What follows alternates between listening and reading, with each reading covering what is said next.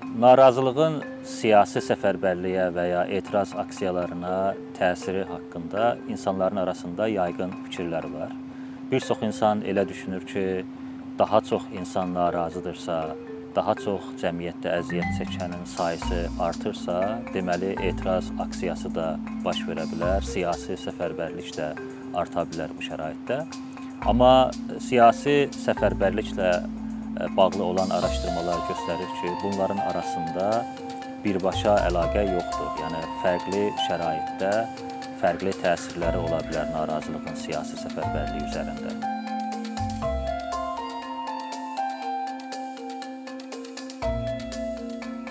İkinci Dünya Savaşından sonra, İkinci Dünya müharibəsindən sonra Amerikada baş verənlər göstərdi ki, narazılıqla siyasi səfərbərliyin əlaqəsi daha fərqlidir, daha kompleksdir. Çünki 2-ci Dünya müharibəsindən sonra Amerikada Amerika siyasi böhrandan, iqtisadi böhrandan daha doğrusu çıxmış bir vəziyyətdədir. İnsanların narazılığı azalıbdır və e, ailə institutu daha möhkəmdir, işsizlik daha azalıbdır keçmişlə müqayisədə. Yəni ümumi halda insanlar, insanların narazılıq dərəcəsi daha aşağıdır.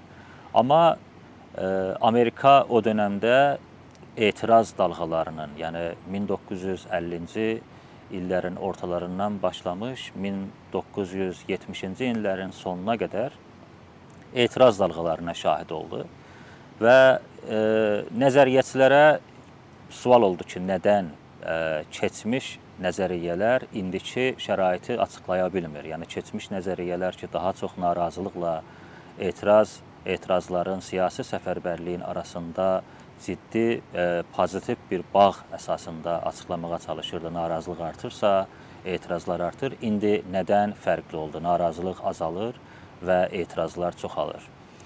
Bunu e, birinci reaksiya e, qaynaq səfərbərliyi nəzəriyyəçiləri tərəfindən önə sürüldü.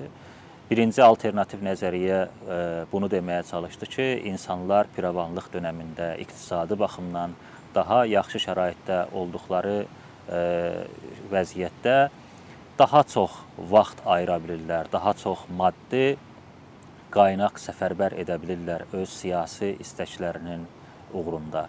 Bu üzdən də piravanlıq dövründə daha çox etiraz aksiyalarının ə, şahidi olur, olduq biz Amerikada. Bu 1970-lərin sonunda bu nəzəriyyəni daha çox John McCarthy və Mayer adında ə, sosioloqlar önə sürməyə başladılar. Əsas ideyası bu idi ki, əsas arqumenti bu idi ki, maddi imkanlar və qeyri-maddi imkanlar insanların kontrolunda daha çox olduğu üçün bu zamanda, bu çağlarda daha çox iyanələr edə bilərlər maddi olaraq və ya vaxtla ayıra bilərlər siyasi hərəkətə, sosial hərəkətlərə və bu hərəkətlərin daha çox aktivləşməsinə gətirib çıxara bilər.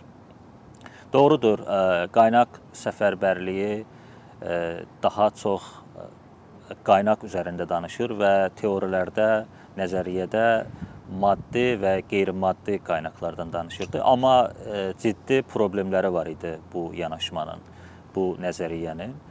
E, misal üçün e, Douglas McAdam, Charles Tilly və ya Sidney Taro adlı sosioloqlar tənqid etməyə başladılar bu nəzəriyyəni və onların tənqidləri birinci narazılığı görməzdən gəlməklə bağlı idi. Yəni qaynaq səfərbərliyi nəzəriyyəçiləri qaynaq e, narazılıq haqqında ümumi fikirləri var idi. Ya ikinci dərəcəli olaraq, ikinci dərəcəli əhəmiyyət verirdilər narazılıq məsələsinə, ya da narazılığı görməzdən gəlirdilər və narazılığı özümüz yarada bilərik kimi fikirlər səsləndirirdilər. E, başqa yöndən elə e, düşünürdülər ki, ideal şəraitdə qaynaq səfərbərliyi nəzəriyyəsi sosial hərəkətlərdən daha çox əslində lobiçilik hərəkətlərini, lobiçilik çalışmalarını izah etməyə qadirdir. Yəni onların daha çox maddi, qeyri-maddi qaynaqlarla istəklərini əldə etməyə çalışırlar. Bu bu yöndə daha çox bu nəzəriyyədən faydalanmaq olar. Nə ki, ə, sosial və ya siyasi hərəkətlər ki, qeyri-adi şəraitlərdə baş verir, siyasi problemlərin olduğu bir şəraitdə baş verir. Yəni bu iki əsasa görə ə, siyasi proses nəzəriyyəsini söylədiyim üç şəxs irəli sürməyə başladılar fərqli əsərləri ilə. Və izah etməyə çalışdılar ki, əslində ə, qaynağın səfərbərliyi ilə deyil sadəcə, başqa şəraitlər lazımdır. Birinci, narazılıq əhəmiyyətini qoruyur, amma narazılığın olması gərəkli səbəb olsa da yetərli səbəb deyil siyasi etirazların, siyasi səfərbərliyin baş verməsi üçün. Siyasi səfərbərliyin və etiraz aksiyalarının keçirilməsi üçün başqa faktorlar da lazımdır. Misal üçün siyasi fürsətlərin olması siyasi fürsətlərin izahında hər biri fərqli izah verirlər siyasi fürsətlərlə bağlı.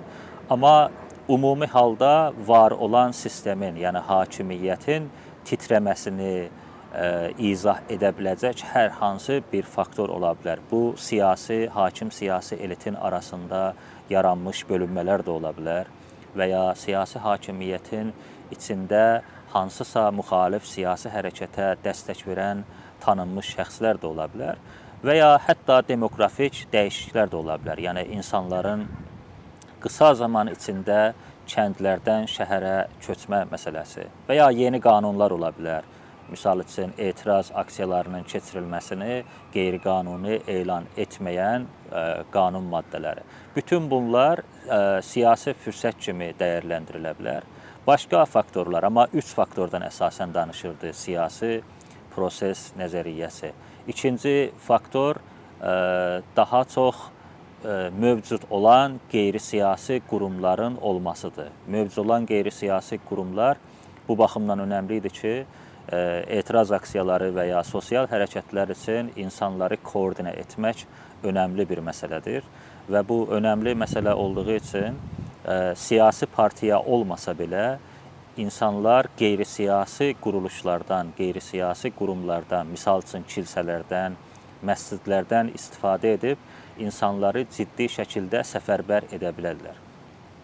Bu ikinci faktor kimi səsləndirilirdi ə, e, siyasi proses teoriləri, siyasi proses nəzəriyyəçilər tərəfindən və sonuncu faktor olaraq koqnitiv azadlıq ə, e, deyə bir faktoru önə sürürdülər. Koqnitiv azadlıq insanların problemi dərk etmələri, yəni insanlar bilirlər ki, bir narazılıq var, bu narazılıq ciddi problemdir, amma indiki şərait bunu yaradıb. Məsəl üçün indiki hakimiyyət və ya indiki sistem e, cəmiyyətdə bu problemlərin yaranmasına səbəb olub və inanmalıdırlar ki, bunların e, toplu şəkildə, birlikdə fəaliyyətləri bu problemləri həll etməyə qadirdir.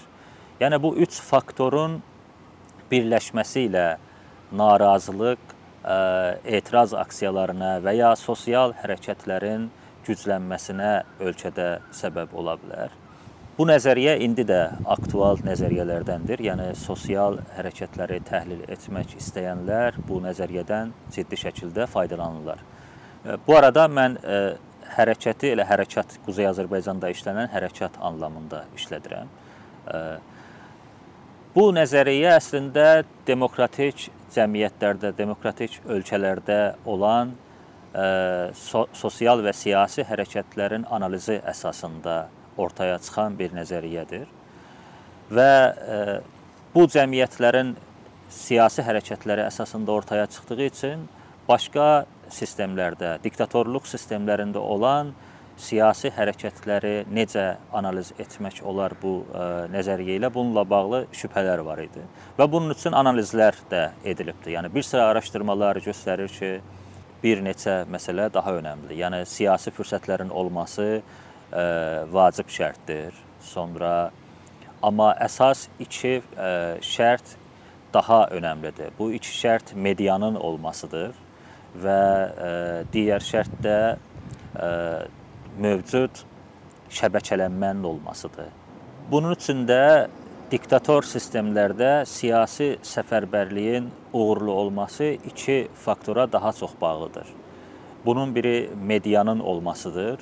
Başqa biri mövcud şəbəkələnmədə şəbəkələrdən istifadə etmə. Bu dini şəbəkə ola bilər və ya hər hansı qeyri-siyasi şəbəkə.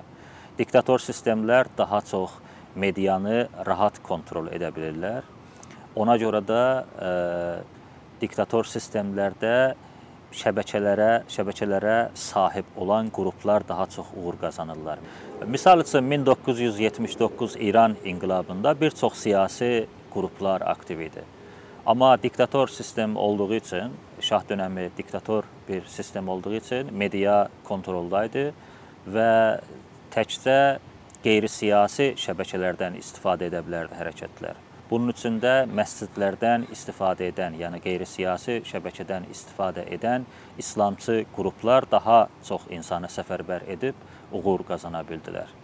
Yəni e, bütün bu teorilər əsasən bunu göstərir ki, narazılıq e, önəmli faktordur, gərəkli faktordur, amma yetərli faktor deyil etiraz aksiyası və siyasi səfərbərliyin baş tutması üçün.